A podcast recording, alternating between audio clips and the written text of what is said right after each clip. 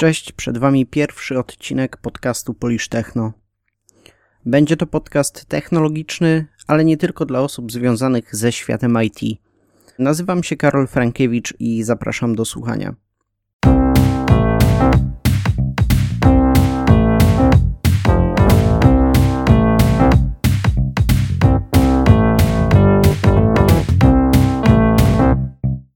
Tematami pierwszego odcinka będą bezpieczeństwo danych w internecie oraz premiera nowego iPhone'a. Pierwszy z tematów chcę poruszyć z powodu kilku sytuacji, które ostatnio się zdarzyły. I tymi sytuacjami są możliwy wyciek danych z bazy PESEL, wyciek haseł z Last.fm, usługi OperaSync z Dropboxa i część ty z tych wycieków to sprawy nawet sprzed kilku lat, o których informacje zaczynają się pojawiać dopiero teraz. Mm, są zapewne również kradzieże danych, które miały miejsce, a o których jeszcze nie usłyszeliśmy. Dlatego chciałbym przybliżyć Wam kilka sposobów, jak można ograniczyć nieprzyjemności związane z kradzieżą naszych haseł lub naszych danych do minimum. Nie będę mówił o tym, co zrobić w przypadku danych z bazy PESEL, ponieważ nadal jest duży miszmasz informacyjny na ten temat w mediach i nie wiadomo, czy była to rzeczywiście kradzież danych, czy może kancelarie komornicze miały tutaj jakiś inny cel w wyciąganiu tych PESEL tych danych z, z bazy. W kwestii kroków, jakie można podjąć, odsyłam do niebezpiecznika. Link do artykułu jest umieszczony w opisie odcinka.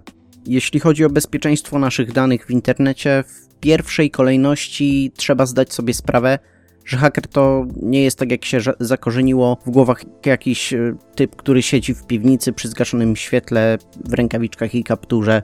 I to jest, tak hakerzy wyglądają tylko na stokowych zdjęciach i w filmach.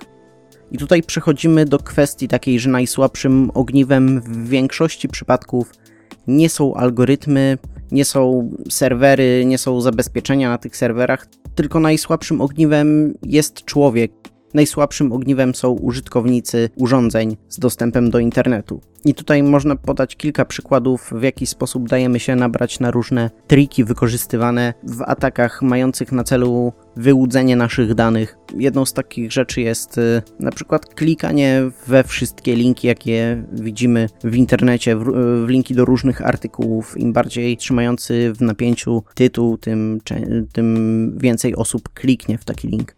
I najczęściej okazuje się później, że na, na przykład w przypadku Facebooka e, po kliknięciu w taki link e, artykuł już wisi na naszej tablicy i nawet nie mamy o tym pojęcia. I kolejne osoby mogą się nabrać w ten sam sposób, w jaki nabraliśmy się sami klikając, e, klikając w taki link. Często pod takimi linkami można dostać informację, że żeby przeczytać artykuł, musimy wysłać na przykład darmowego SMS-a na jakiś numer i okazuje się później, że w ten sposób zapisaliśmy się do, jak, do jakiejś płatnej usługi SMS. Y, I na podobnej zasadzie działają facebookowe grupy typu New Balance rozdaje 2000 par butów. Pod spodem kryje się często jakaś płatna usługa SMS. Jeśli chodzi o zapisywanie do tych grup, często są za to odpowiedzialne aplikacje, które mogą się instalować na przykład przez wykonanie instrukcji, które pojawiają się po kliknięciu w któryś z takich clickbaitowych linków, o jakich mówiłem chwilę temu. I osoby zapraszające wszystkich znajomych do takiej grupy najczęściej są tego nieświadome, bo robi to jakaś aplikacja przypięta do ich y, konta na Facebooku, której na przykład zezwolili na publikowanie postów y, w ich imieniu. I stąd też y, w tych grupach tyle komentarzy, które mówią, że ludzie dostali już te buty od New Balance. Jeszcze kurier jak przyszedł, to ochoczo wbiegł na dziesiąte piętro. Tak więc w skrócie nie klikajcie we wszystko, co widzicie w internecie. Zwracajcie uwagę przy rejestracji do aplikacji kontem facebookowym, jakie dana aplikacja chce uprawnienia. Na co warto również zwrócić uwagę, korzystając z aplikacji y, w internecie, to uwierzytelnianie dwuetapowe. Y, jest to sposób logowania, który polega na tym, że oprócz poprawnie wpisanego hasła, musimy jeszcze podać w kolejnym kroku kod, który otrzymaliśmy właśnie SMS-em lub w aplikacji, jak w przypadku np. Facebooka. Uwierzytelnianie dwuetapowe oferuje chyba większość banków, większe usługi mailowe jak np. Gmail oraz część serwisów społecznościowych, jak wspomniany wcześniej Facebook. Jeśli macie taką możliwość, włączcie sobie e, to uwierzytelnianie tam, gdzie się da, ponieważ w takim przypadku, gdy ktoś chce się dostać do jakiegoś serwisu naszymi danymi, musi oprócz danych logowania mieć dostęp do naszego telefonu, na który przyjdzie nam odpowiedni kod, który pozwoli się zalogować.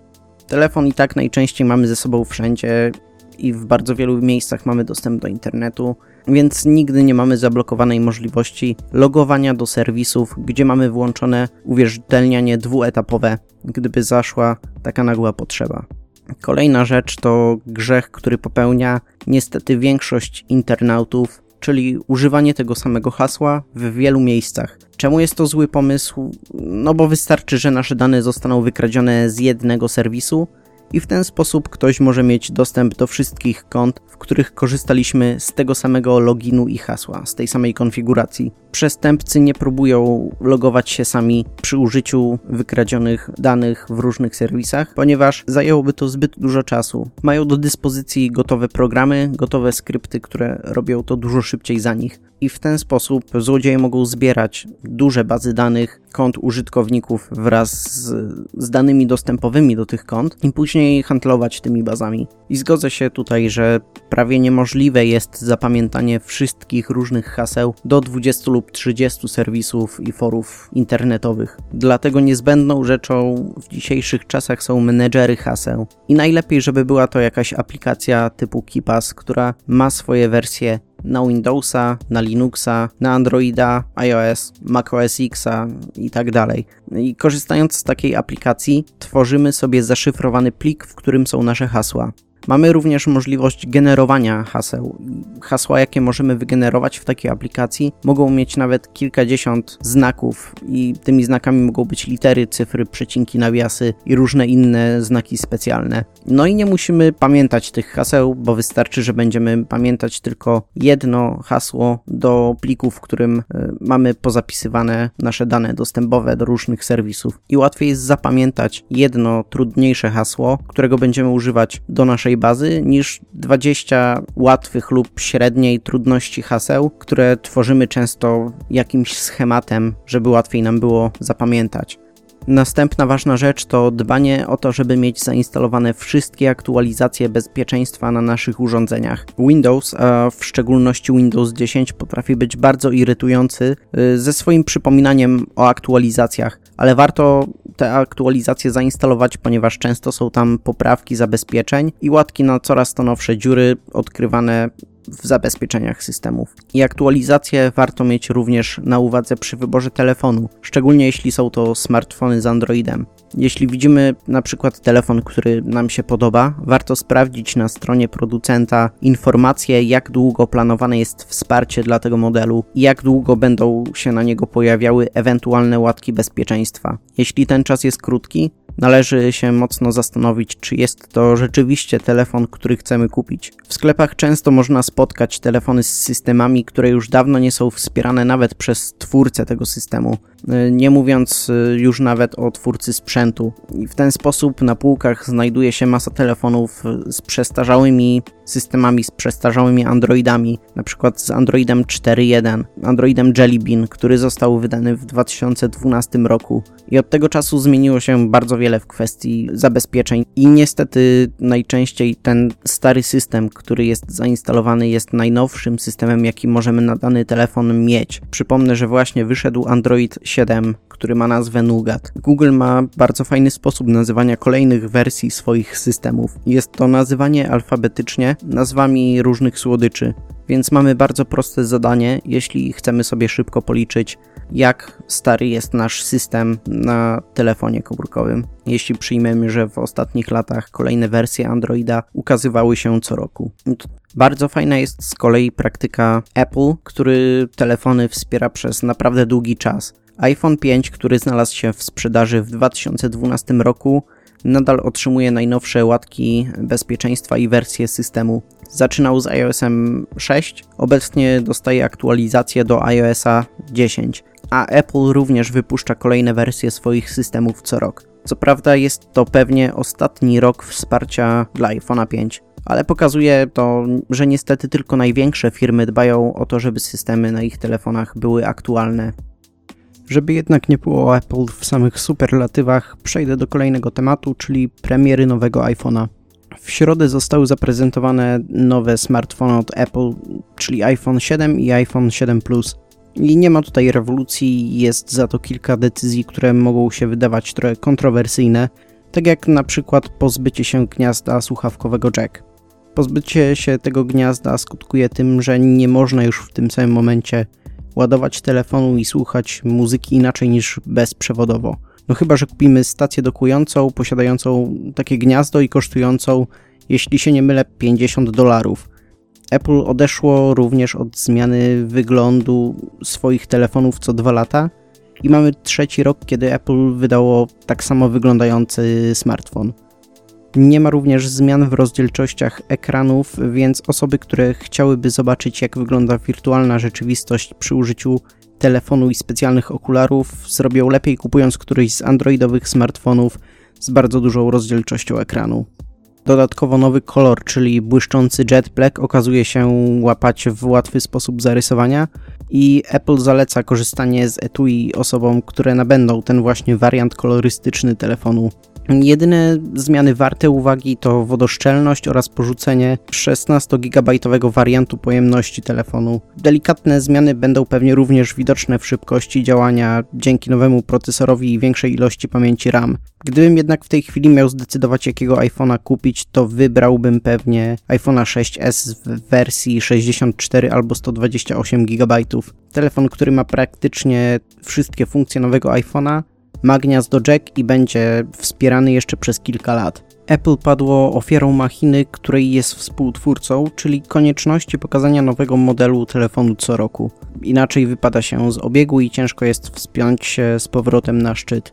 I napędzanie takiej machiny skutkuje tym, że część nowych urządzeń wydaje się być stworzona na siłę, bo przecież trzeba coś pokazać, albo tworzeniem sprzętów, które bardzo szybko przestają być wspierane. Mam również problem z nowym iOSem 10, w którym nie podoba mi się parę zmian, które są według mnie zmianami na gorsze. I jedna z nich to nowy wygląd powiadomień, które zamiast ciemnego tła mają teraz bardzo jasne tło. Bardzo irytowało mnie to, kiedy na przykład przebudzałem się w nocy i chciałem sprawdzić godzinę w telefonie. Jeśli było tam jakieś powiadomienie, moje przyzwyczajone do ciemności oczy były atakowane jasnym światłem z ekranu smartfona. Kolejna rzecz to różnica w tłach dla widgetów zablokowanego ekranu, które dla aplikacji Apple'owych są jasne, a dla innych aplikacji są ciemniejsze. Jeśli mogą być ciemniejsze dla niektórych aplikacji, to czemu nie może być tak samo dla reszty?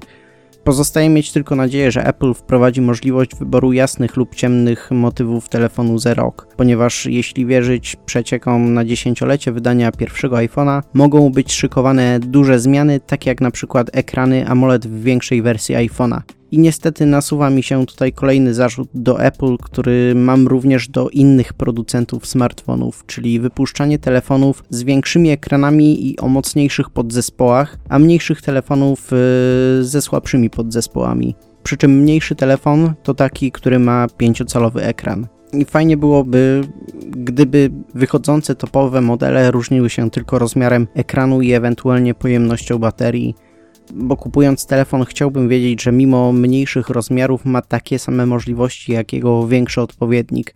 I nie mam zamiaru kupować telefonu wielkości zeszytu, jeśli chcę mieć model z górnej półki. Niestety Apple również zaczyna iść tą drogą, czego przykładem jest podwójny aparat w większym iPhone'ie, a w przyszłym roku może to być również ekran AMOLED tylko w większej wersji telefonu. Wiele osób zapewne chciałoby kupić sobie telefon o najlepszych możliwych podzespołach, który będzie jednocześnie poręczny i będzie go można włożyć do kieszeni bez obawy, że nie będziemy mogli przez jego rozmiary zgiąć nogi w kolanie. Więc w ramach podsumowania, nowy iPhone nie zrobił na mnie pozytywnego wrażenia i spokojnie można go pominąć i poczekać na kolejny model, jeśli mamy zamiar zmieniać telefon właśnie na iPhone'a. Można też kupić nadal bardzo dobrego iPhone'a 6s. W ten sposób dotarliśmy do końca i chciałbym tutaj podziękować e, Maciejowi za pomysł na nazwę podcastu e, i Oli oraz Radkowi, którzy cierpliwie słuchali nagrań i wskazywali, co można by poprawić. Zapraszam do odwiedzenia profilu na Facebooku, e, podzielenia się komentarzem, wysyłania maili na podcastowy adres i odwiedzenia strony internetowej, na której są dostępne linki do innych profili i serwisów, w których można mnie znaleźć. Dzięki za uwagę i do usłyszenia.